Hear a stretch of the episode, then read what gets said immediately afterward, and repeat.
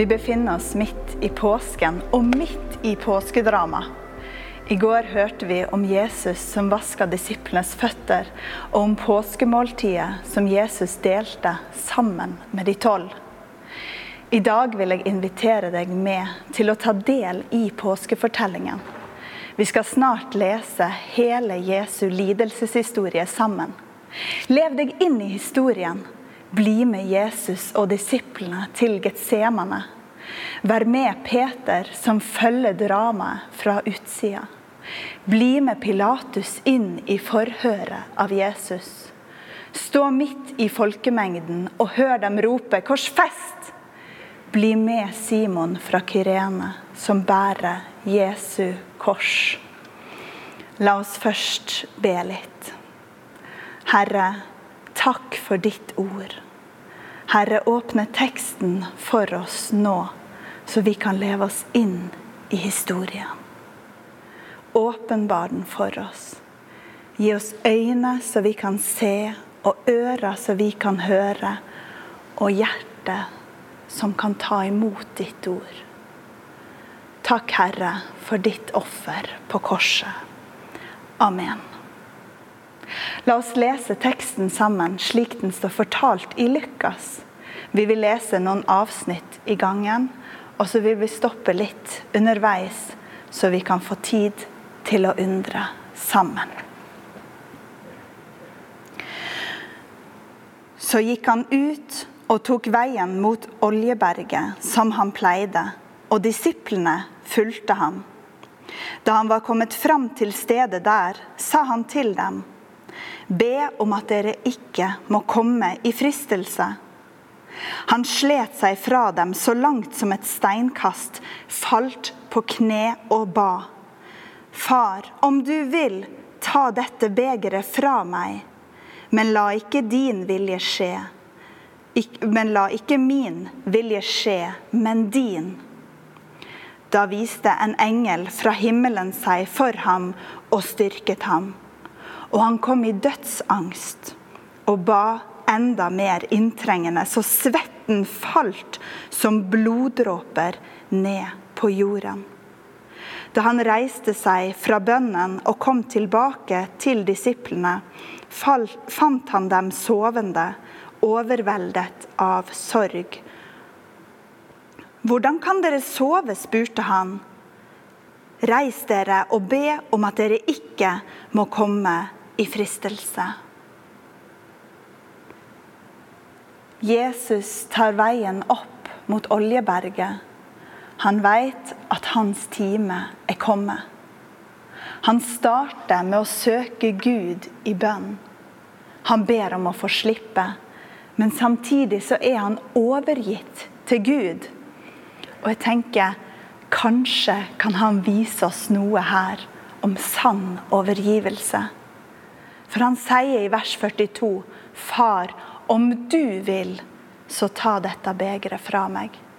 Han sier altså ikke om jeg vil, men om du vil det slik. Og videre så bekrefter han igjen at det ikke er hans egen vilje, men Guds vilje som er viktig. Men la ikke min vilje skje, men din.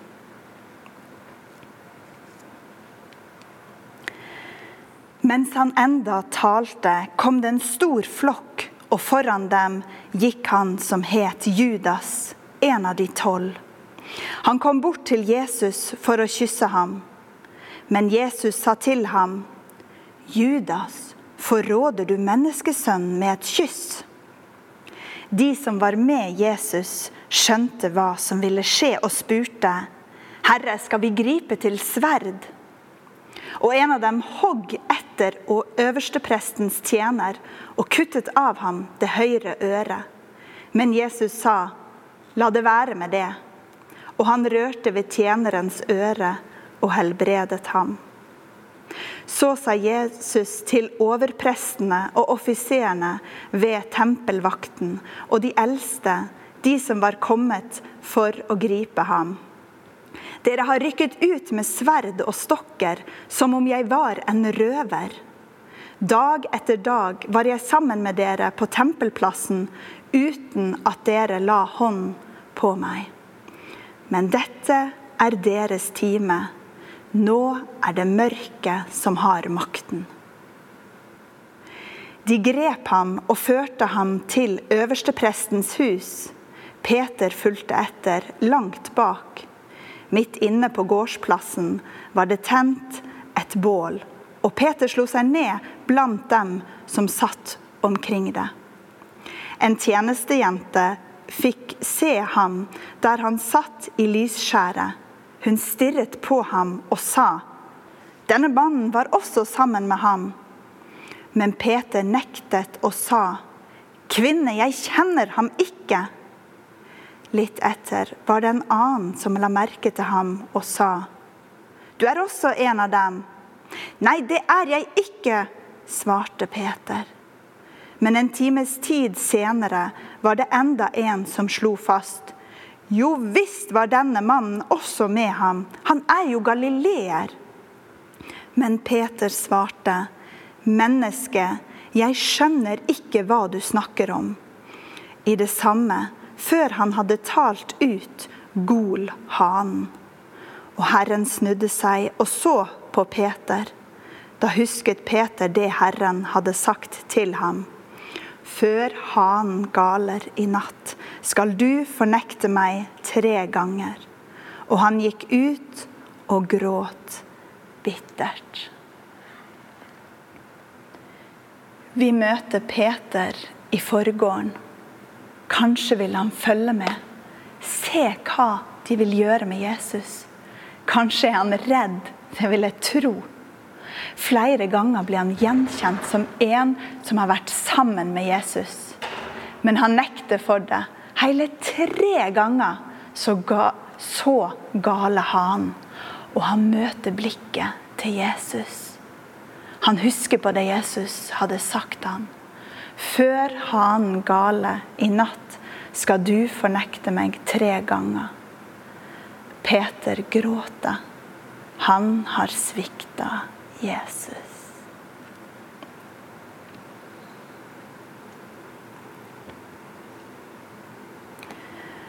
Mennene som holdt vakt over Jesus, hånte ham og slo ham. De dekket til ansiktet hans og sa, 'Nå kan du være profet. Hvem var det som slo deg?' Også på mange andre måter spottet de ham. Da det ble dag, kom folkets eldsteråd sammen. Både overprester og skriftlærde var der. Jesus ble ført fram for rådet, og de sa, Er du Messias, så si oss det. Men han svarte, Hvis jeg sier det til dere, vil dere ikke tro meg, og hvis jeg spør, vil dere ikke svare. Men fra nå av skal menneskesønnen sitte ved den mektige Guds høyre hånd. Da spurte de alle, du er altså Guds sønn? Han svarte, dere sier selv at jeg er det. Da sa de, hva skal vi nå med vitneutsagn? Vi har jo selv hørt det av hans egen munn. Hele forsamlingen brøt nå opp og førte ham til Pilatus. Der begynte de å anklage ham. De sa, vi har funnet at denne mannen fører folket vårt på avveier.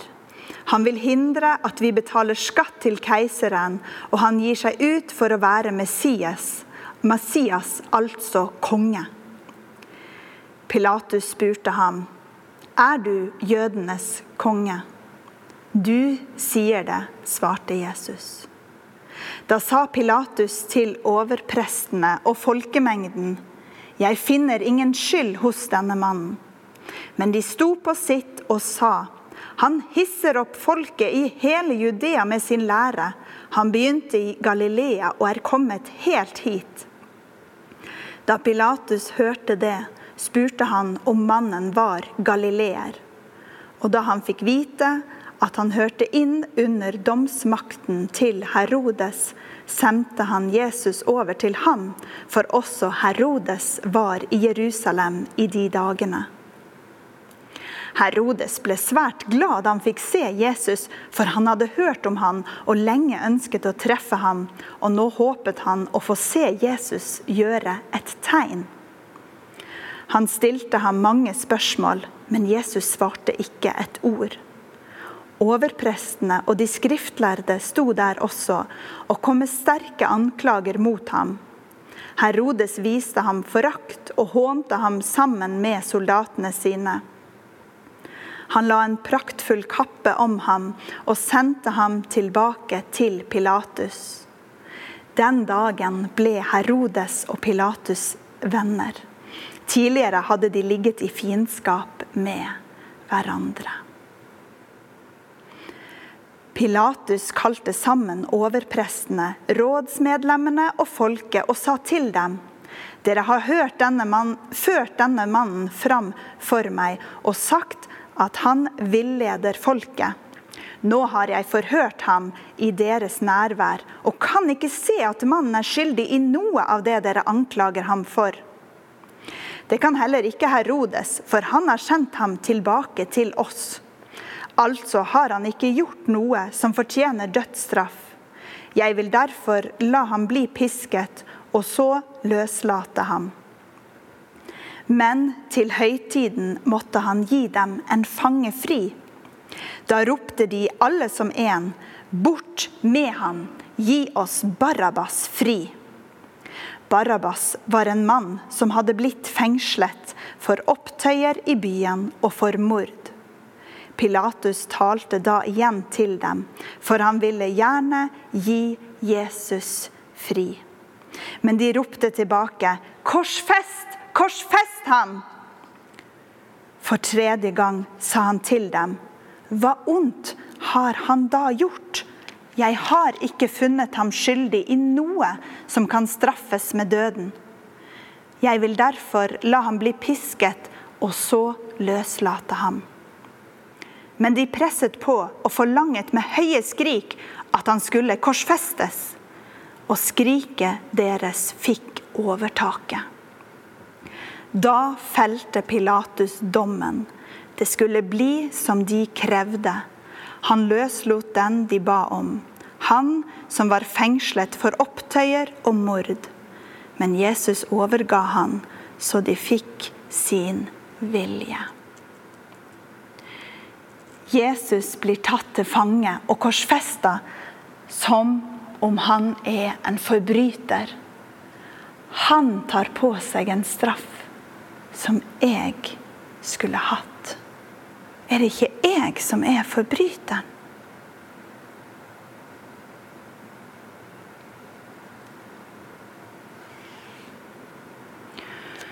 Så førte de ham bort. På veien grep de tak i en mann som kom inn fra landet, Simon fra Kyrene. De la korset på ham for at han skulle bære det etter Jesus.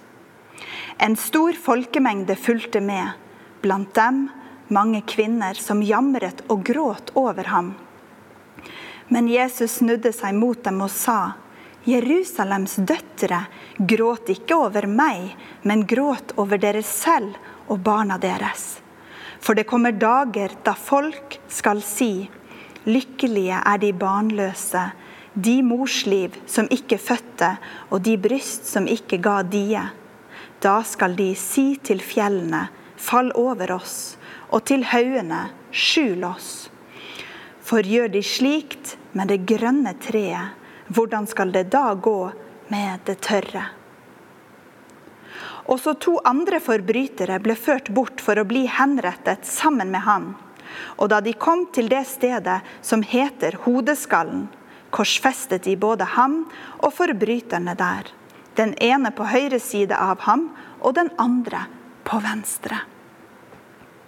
Men Jesus sa, 'Far, tilgi dem, for de vet ikke hva de gjør.' Så kastet de lodd om klærne hans og delte dem mellom seg. Folket stå og sto, så og, sto og så på, men rådsherrene hånte ham. Andre har han frelst, sa de. La ham nå frelse seg selv dersom han er Guds Messias, den utvalgte. Også soldatene hånte ham. De kom og rakte vineddik opp til ham og sa, Er du jødenes konge, så frels deg selv. For det var satt en innskrift over ham. Dette er jødenes konge. En av forbryterne som hang der, spottet ham også og sa, Er ikke du Messias? Frels da deg selv og oss. Men den andre irettesatte ham og sa, Frykter du ikke Gud, enda du har satt samme dom over deg? For oss er dommen rettferdig. Vi får bare igjen for det vi har gjort. Men han har ikke gjort noe galt. Så sa han, Jesus, husk på meg når du kommer i ditt rike. Jesus svarte, Sannelig, jeg sier deg, i dag skal du være med meg i paradis. Dette var allerede omkring den sjette time. Da falt det et mørke over hele landet, helt til den niende time. For solen ble formørket. Forhenget i tempelet revnet etter midten, og Jesus ropte med høy røst. Far, i dine hender overgir jeg min ånd. Da han hadde sagt det, utåndet han. Men da offiserene så det som hendte, priste han Gud og sa, denne mannen var sannelig rettferdig. Og folkemassene som hadde samlet seg for å se på, slo seg for brystet da de så det som skjedde, og vendte hjemover. Men alle de som kjente ham, sto på avstand og så på. Blant dem var også de kvinnene som hadde fulgt ham fra Galilea. Rundt den sjette time, klokka tolv, midt på lyse dagen, så faller det et mørke over byen, og Jesus ånder ut. Men i det samme aner vi et håp når det ser så mørkest ut. Forhenget i tempelet, det som var mellom det hellige og det aller helligste stedet i tempelet forhenget foran stedet der bare øverstepresten gikk inn én gang i året for å ofre og be om syndenes forlatelse for folket, revner på midten. Og vi aner håp. Håp om syndenes forlatelse for alle mennesker gjennom Kristus. Det er mange måter vi kan være med og ta del i påsken på. Selv har jeg tre barn. Noen av de tingene som jeg har lagt merke til ved å være mamma, det er at barn tar mange ting veldig bokstavelig, og de trenger konkreter som en hjelp til å forstå, til å bli en deltaker. Som Guds barn gjør det godt også for meg å gjøre konkrete handlinger i møte med Jesus. I dag skal jeg sammen med familien min ha en lagfredagssamling der vi lager et kors og bygger en grav til Jesus. Foran grava skal vi legge en stein. Kanskje vil du være med meg og lage et kors og bygge en grav til Jesus. Et sted jeg kan komme for å gråte. For å legge ned det som tynger. Et sted å komme når jeg kjenner at jeg svikter eller ikke strekker til. Et sted å bare være. På søndag morgen samles vi igjen ved graven. Denne gangen for å feire at Jesus har seira over døden.